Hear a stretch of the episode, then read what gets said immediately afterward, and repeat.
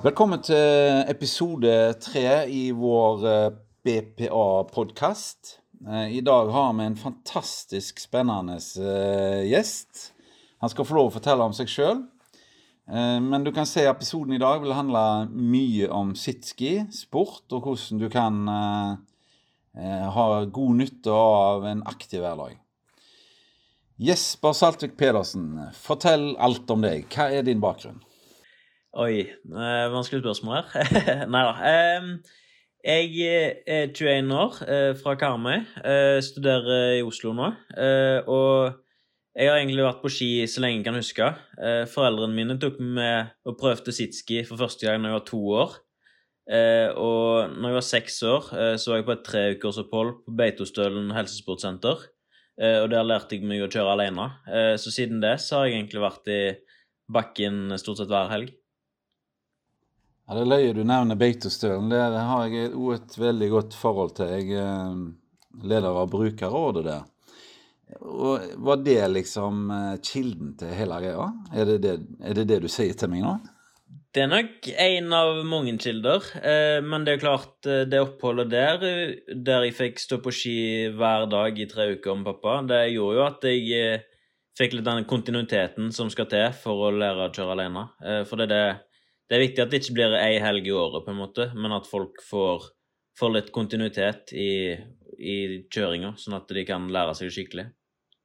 Men det liksom, eh, var det da du ble på en måte bitt av basillen? da, At du fikk oppleve det såpass ofte i løpet av en eh, relativt kort periode at det da satte spikra som at dette vil jeg eh, fortsette med?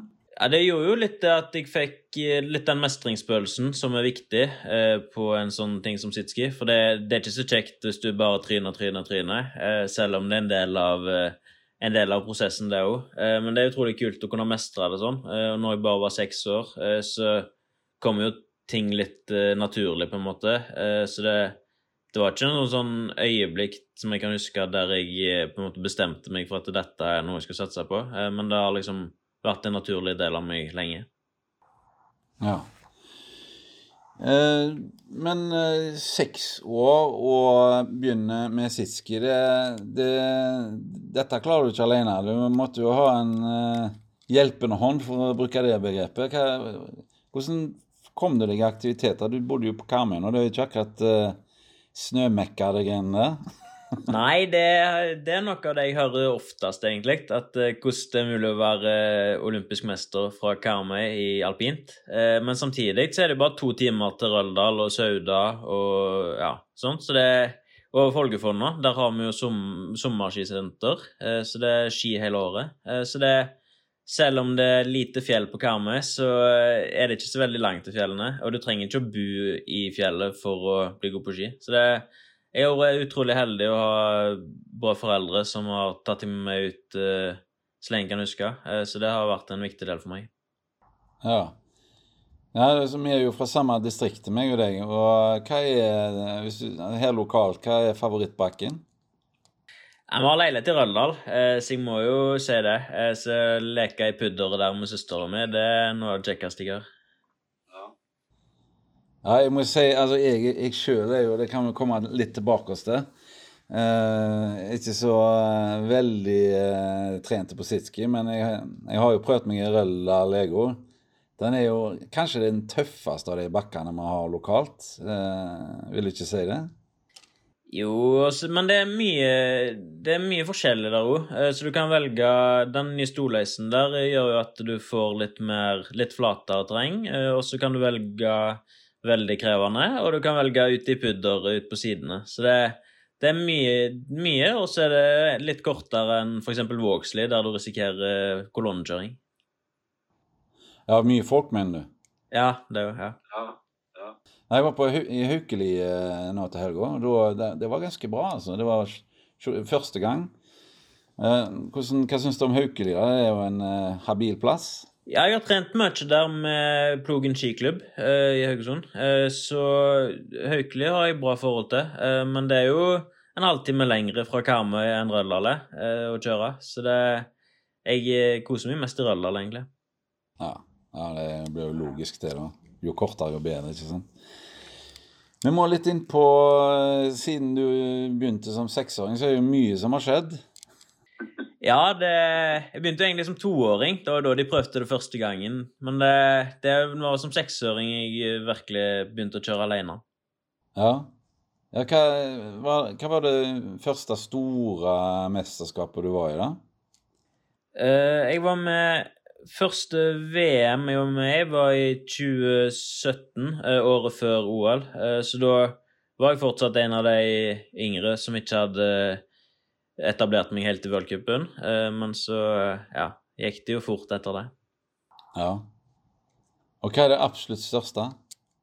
Det største jeg har vært med på, det er jo selvfølgelig Paralympics i Korea i 2018. Eh, mitt første Paralympics. Så det å ta gull der i storslalåmen, det, det, er noe av det største du kan oppleve som idrettsutøver. Eh, å klare det på første forsøk, det, det er jeg utrolig stolt over. Hvordan var altså, Må du fortelle litt uh, olympisk mester? Altså, det er jo en, eh, Bare det å være til stede og den stemningen Hvordan, hvordan opplevdes det egentlig? Når vi er ute og reiser til vanlig, så er vi et ganske lite lag eh, i paralpinten. Eh, det er bare med to stykker på landslaget nå, og to trenere. Eh, så det er i Paralympics å kunne reise sammen med den norske troppen eh, og være en del av noe større, det er utrolig kult. Eh, og vi bodde jo Alle nasjoner og alle grener bodde på samme plass. Eh, så det, det, gjør jo at du får litt mer sånn teamfølelse, og da klare å vinne sammen med det norske laget, det var utrolig kult. Ja, ja. ja du treffer vel sikkert folk som du har kontakt med den dag i dag, da?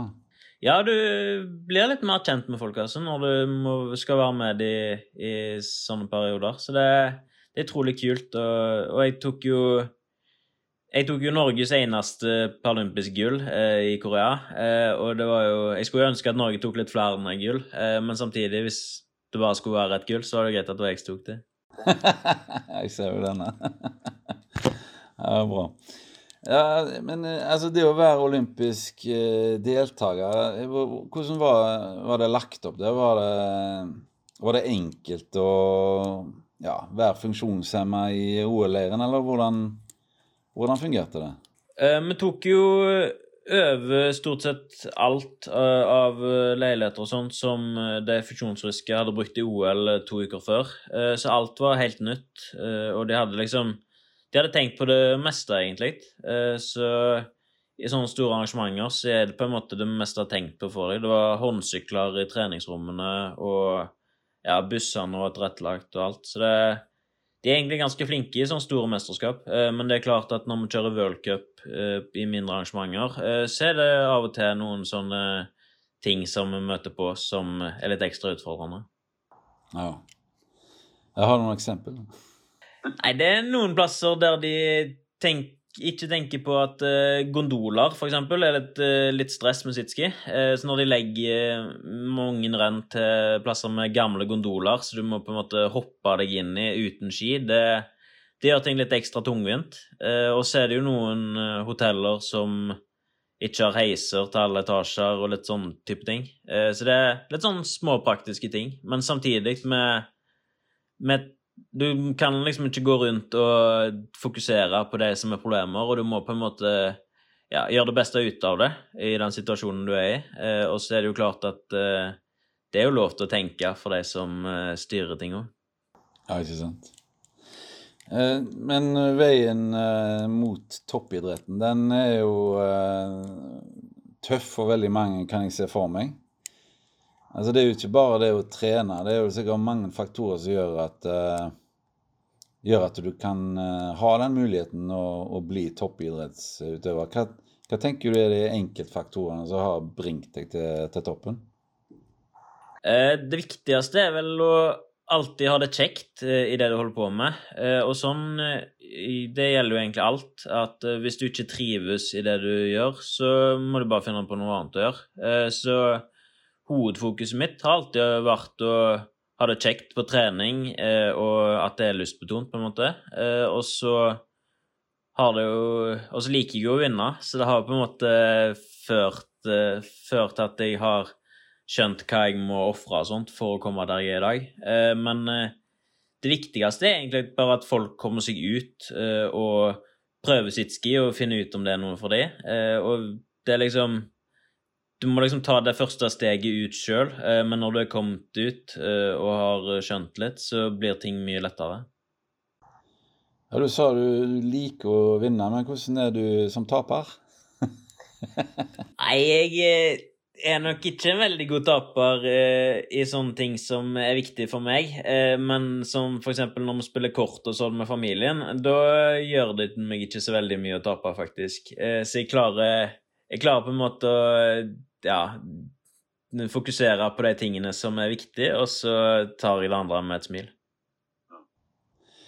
Men det er jo andre faktorer enn akkurat trivsel. Jeg tenker jo, Hva med sånn ja, dette med kosthold og bevisstgjøring eh, rundt livsstil, det må jo ha også spilt en betydelig rolle, tenker jeg, eh, til å bli eh, på det nivået du er. Hvordan Ja, forhold har du til det? Eh, Det er helt klart. Eh, For meg så har det jo vært viktig når du er så mye aktivitet som jeg har vært opp igjennom. Eh, Jeg har på en måte alltid gjort det samme som vennene mine har gjort. Jeg har spilt håndball og gått på friidrett og svømming, og jeg har liksom alltid gjort det samme som vennene mine. Og da blir på en måte det blir viktig å få i seg nok mat, eh, og kosthold i alpint. Det er liksom eh, Fette fart eh, er jo et ordtak som eh, blir brukt av og til. Eh, nå er ikke, det er ikke om å være størst mulig, eh, men samtidig så er ikke alpint den idretten der kosthold har mest å si. Men det er klart jeg fokuserer jo på å spise sunt og ja, og variert. Sånn med skader og sånn, har det, har det vært mye plagg med det?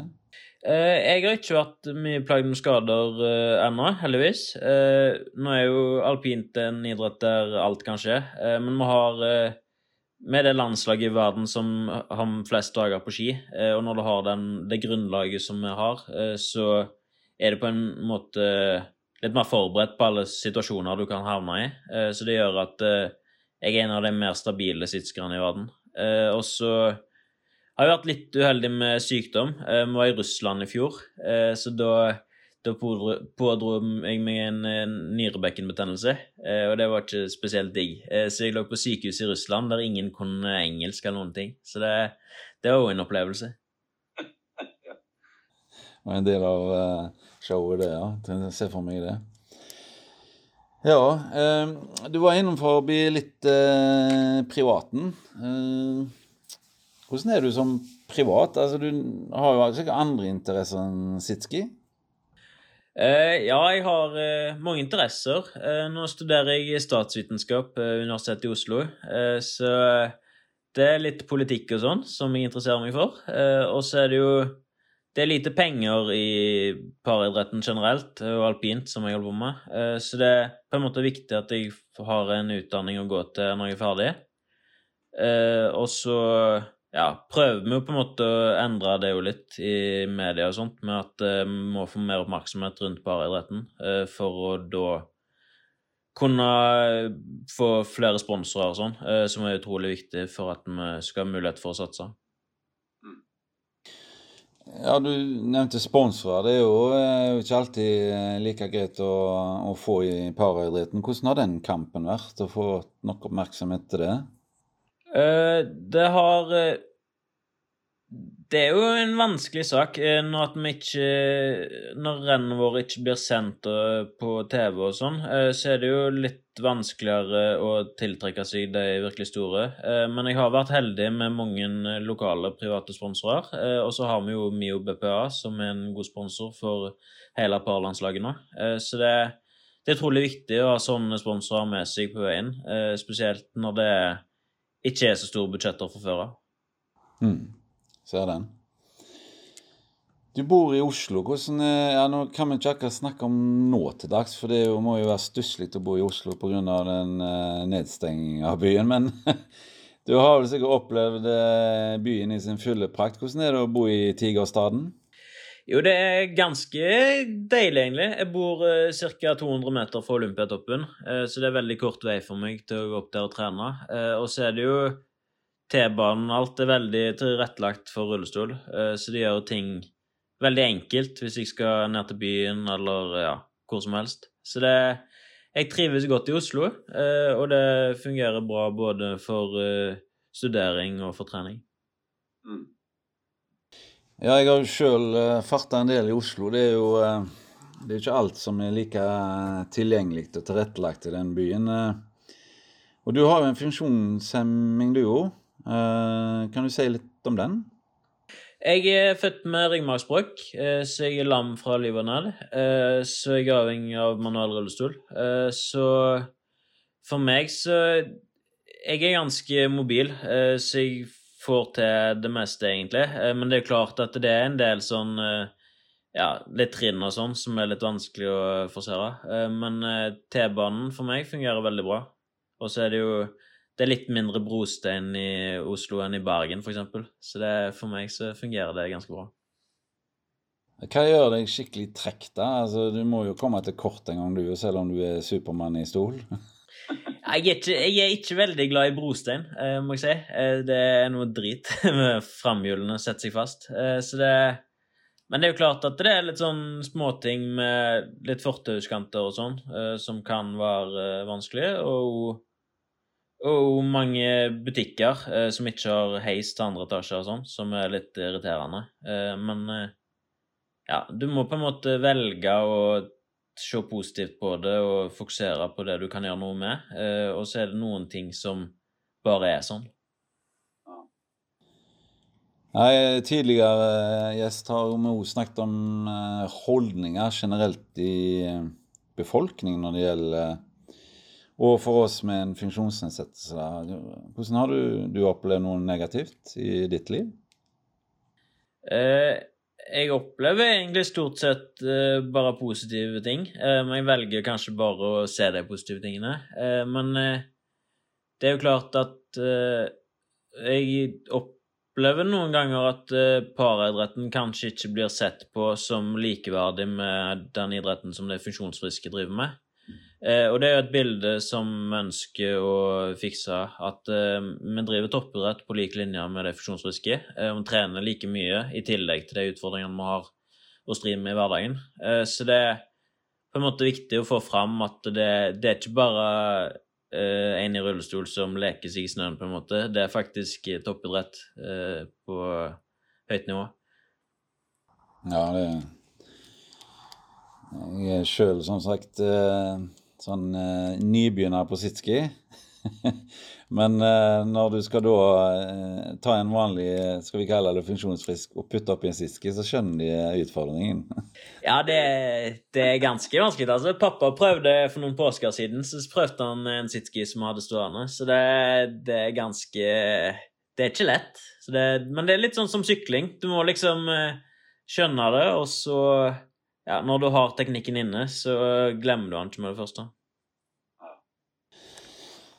Ja, nei, altså det, det er en fascinerende sport på, på alle, alle, måter. Og jeg må jo si det at eh, det er jo veldig mange som ser opp til deg som person. Eh, eh, det du klarer å få til, ikke minst. Men livet, livet har jo noen Skal vi kalle det tøffe sider. For du, du mista jo faden her for veldig kort tid siden. Hvordan, hvordan opplevde du det, og hva Har det fått en effekt på din uh, utøving av sporten? Eh, det var et stort sjokk, eh, selvfølgelig. Eh, det kom brått og uventa. Eh, men eh, det har på en måte gitt meg litt mer perspektiver, da.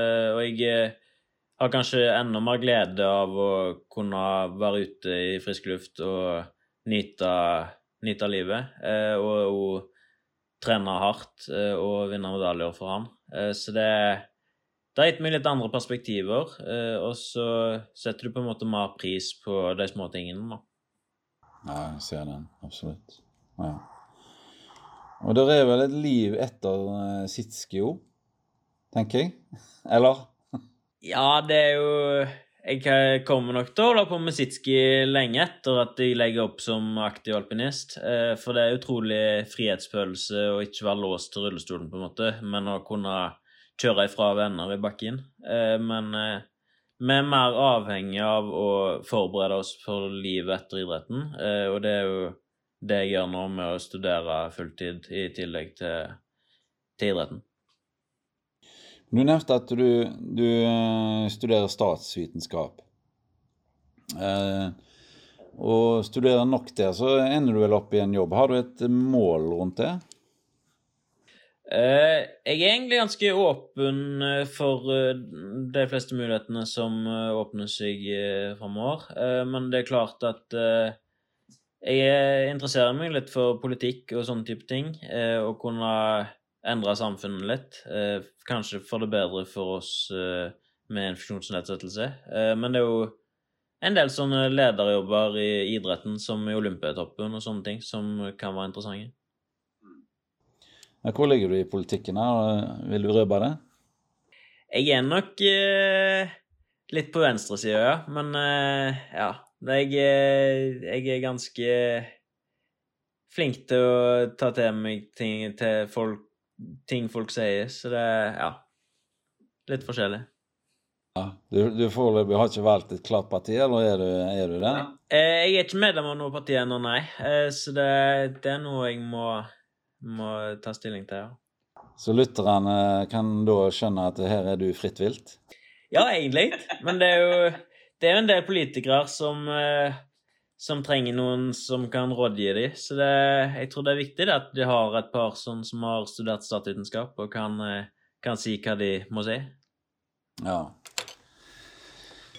Uh, vi må eh, litt inn på uh, Sitski i litt sånne detaljer, tenker jeg. Fordi de som hører på, uh, syns sikkert det er veldig spennende at jeg har deg i studio.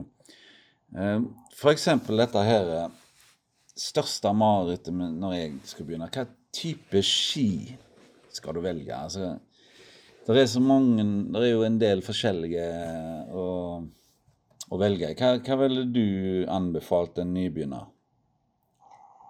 Uh, ja. Uh, det er jo Når vi er på sitchi, så har vi på en måte all vekt på ei ski. Uh, så det er viktig at skien ikke er for myk. for det, det, er en del ski som brekker litt lett. jeg har brukket ganske mange ski opp igjennom. så det er viktig at du fokuserer på å finne en ski som ikke er for myk, men samtidig ja, kan uh, brukes uh, ja, til å kjøre noen lette svinger. Uh, så det Han bør vel være Sånn standard slalåmski er jo 165 cm, så den lengden er nok fin for noen som skal starte. Ja.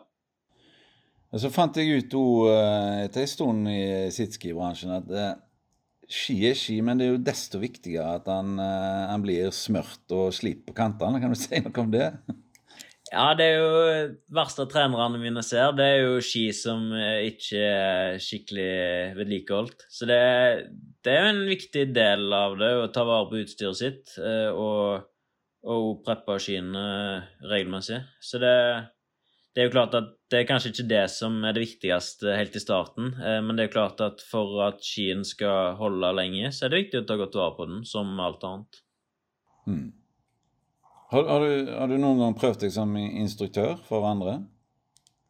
Eh, ikke sånn eh, offisielt, eh, men jeg har kommet med på ridderne som er med på av og til, så jeg kan jeg komme med en del eh, tips og råd og sånn. Så det, og det er litt kult når vi har eh, litt breddesamlinger, eh, så er ofte landslaget med i tillegg. Eh, så da får vi sett eh, litt på de som holder på å bli rekruttert opp. Så det er kult å kunne være rollemodeller der òg. Ja, nei, altså jeg Jeg må litt tilbake til min egen erfaring som sist. Jeg lærte jo dette her på Kamp Spinal. Jeg vet ikke om du har hørt om det? Ja. Ja. altså Sunnaas-stiftelsen er det faktisk som da har disse kampspinalene. Og det er jo ganske intensivt, da.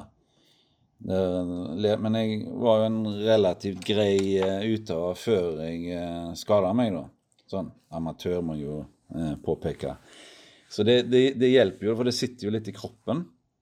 Uh, så da er det litt lettere å lære det, tenker jeg. Men jeg fant vel ut det at det er mengdetrening som skal til for at du for at du mestrer det på et nivå at det blir gøy. Ja, for det er jo litt den der at hvis du på en måte prøver sitski en gang i året på ridderen, så, så får du ikke den kontinuiteten som skal til stort sett i alt, egentlig, for å kunne mestre det på en god måte. Eh, så det er utrolig viktig det at du, du er regelmessig på ski eh, og får utvikla deg. Eh, for hvis du Du kommer liksom ingen vei hvis du ligger og tryner i bakken en gang i året hvert år. Ja, ei helg i året. Ja, men så er det jo sånn Når du bor på Karmøy, da, så er det jo sånn at det, i hvert fall for mitt vedkommende, sant, så er det jo sånn Den første turen Eh, den har du jo glemt ut hvor forferdelig den var i fjor. så, så, så jeg, det glemmer jeg ut hvert år. Så tenker jeg nå, nå, må jeg skrive det på veggen en plass. Det, hva anbefaler du at du skal forberede kroppen til før du tar den der søndagsturen med ungene? Du må jo forberede deg på at eh, det er jo litt tilvenning, selvfølgelig. Eh, så du kan kanskje sende ungene til noen andre første turen, iallfall. Eh, for det, det, er ofte at det tar litt tid å komme inn i det, eh, men etter et par turer så bør du være tilbake der du har vært tidligere. Nei, Det er mye styr med utstyr. Altså, du, du drar jo ikke opp alene gjør du det, når du skal ut i bakken. Du har, har, du med deg folk, eller?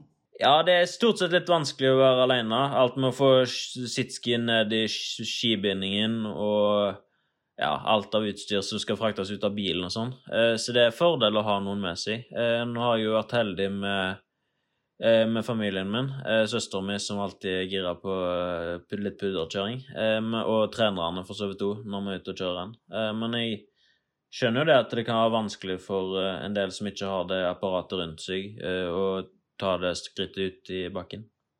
Kunne den personen vært en BPA? Det er helt klart at eh, BPA er en veldig bra, bra greie som kan være med på sånt. Så det, det, er egentlig det som skal til for at mange skal komme seg ut, tror jeg. Eh, når det gjelder eh, Sitski, hvis, hvis vi har noen som hører på nå, som vurderer å begynne på Sitski, hva, hva ville du gitt som anbefaling for at de skulle bli motivert til å prøve det? Eh, da ville jeg sagt at eh, det er utrolig frihetsfølelse eh, å ikke være stengt til rullestolen, på en måte. Så det, det, er bare til å ikke, ikke tenke for mye på det, men bare ta en sjanse og komme seg ut. Og så blir det litt vanskelig helt i starten, for det er jo det er som alt annet, du må læres. men det er utrolig kjekt når du først er kommet inn i det. Så har, jeg har jo en del eh, kompiser som liker å gå på ski, og de eh, har jo en drøm om at vi skal eh, reise litt når forholdene tillater det. da. Og jeg ser for meg, Du har vært i en del forskjellige bakker rundt omkring i verden. Hva er, hva er favorittene dine? Nei, vi er mye i Østerrike, og det, i Østerrike så er det utrolig mye kule plasser. Vi trener en, en del i Hintertux på høsten, som er en isbre på toppen, eh, så de har åpent hele året. Eh, og så har de jo eh, bakker helt ned til dalen når vinteren kommer. Og det er en plass som er bra tilrettelagt for rullestol. Selv om det er gondol opp, så tar du på en måte rullestolen i første gondolen, og så kan du bytte til sitski når du kommer opp. Så det du må liksom, Når du har sitski, så må du tenke litt på plasser som er, er lett tilgjengelige. For det det er klart at det er en del ekstra utfordringer der. Ja, hva er topp, uh, toppdestinasjonen for deg? Eh, vi har eh, Vi har jo utenlands så har vi jo vært på utrolig kule, mange kule plasser. Eh, St. Moritz i Sveits er utrolig kul eh, både by og bakke. Eh, så det er jo det er litt sånn rikmannsplass i Sveits, men det, det er utrolig kult. Og så er det det er flere anlegg i samme område, eh, så du får liksom eh, Du kan få den variasjonen som du ikke kan få andre plasser. Er, du flink med sånn afterski òg? Nei, det er lite tid til afterski altså, når vi er ute og reiser. Men eh, det er jo klart at eh, når jeg legger opp en dag, så kan jo det være eh, større prioritet. du må jo trene mer på det, mener du? Ja, det er jo Det må trenes på det òg. Eh, nå er det ikke akkurat det som er hovedfokuset nå, men eh, det er klart at eh, det er jo Det er jo en del av skireligionen i Alpene. Ja, jeg ser, jeg ser for meg den. Ja. Nei, jeg har, jeg har Jeg liker å utfordre gjestene litt. Altså, jeg har et spørsmål du ikke har fått lov å forberede deg på. Så jeg, jeg har et par sånne Hva skal vi kalle det? Jeg gjør, gjør litt research på, på, gjestene mine før de kommer i studio. Da. Så det, det er to, to, rykter om deg. Så jeg vil du enten skal avklare eller bekrefte. Okay. Og det ene er at eh, det går eh, store rykter om at du er en habil eh, osteselger. Uh, ja, det, det, kan jeg vel bekrefte. Uh, jeg la jo ut den uh, osten som jeg vant i Sveits i januar, og skrev litt om problemstillingen rundt at vi vinner oster når Fiksjonsriske vinner penger. så det, den fikk bein å gå på, altså. og det var jo jeg la den ut mest for å vise problematikken rundt det. Eh, og så var det jo kult at det var noen som, eh, som bestemte seg for at den, den osten ville de ha. Ja, det var, var ikke det Karmøy-dama, det? Jo, det var Margaret Hystad. Så det var utrolig kult at det, det er noen som eh, har lyst til å være med og sette fokus på, på det. Nei, jeg var jo inne i eh, hotell Ullensvang i fjor høst og fikk smake på verdens beste ost i 2018-2019-kåringen. Og det er jo Fana osteysteri eller noe som hadde den. Den lå på rundt en 1000 kroner kiloen, den osten der. Ja. Men jeg, jeg, jeg, tipper du eh, knuste den prisen der? Det gjorde jeg faktisk. Eh, min ost var fem kilo, og hun kjøpte den for 50 000 kroner. Så det så det, det var bra. Eh, og så var det jo mest for å sette fokus rundt det. Eh, og 50 000 høres jo bedre ut enn 5000, eh, på en måte. Så det, det var kult at det var noen som gikk inn med så store tall. Nei, det, jeg var jo helt uh, sjokka sjøl når jeg så det. Det kan jo ikke være mulig at du får en Det er jo nesten sånn at det er litt sånn nedverdigende at du får en ost. Altså, Da hadde det jo vært bedre med en uh, kasse vin. Ja, det, det, varierer. Det er liksom enten ost eller vin vi stort sett vinner. Eh, men jeg tror ikke folk har på en måte vært eh, klar over at det er sånn det er. Eh, så det var litt for å sette fokus på det. Eh, og så har jeg jo egentlig bare oppfatta at folk er helt enig med meg at det, det, er helt feil at det skal være sånn. Men har du fått litt eh, internasjonal oppmerksomhet, den såkalte premieringen av parautøvere? Uh, ja, litt. Uh, men samtidig så er det jo den internasjonale paralympiske eh, komiteen, organisasjonen, som er bak worldcupen, uh, som på en måte er hovedproblemet vårt. da. så de ønsker jo ikke å endre systemet med det første, men vi presser jo litt på dem. og når jeg er i alle de største nettavisene i Norge, så gjør jo det at vi får litt mer fokus på saken. Mm. Ja, da er vi til siste overraskelsesspørsmålet. Og det er at du er en habil damejeger?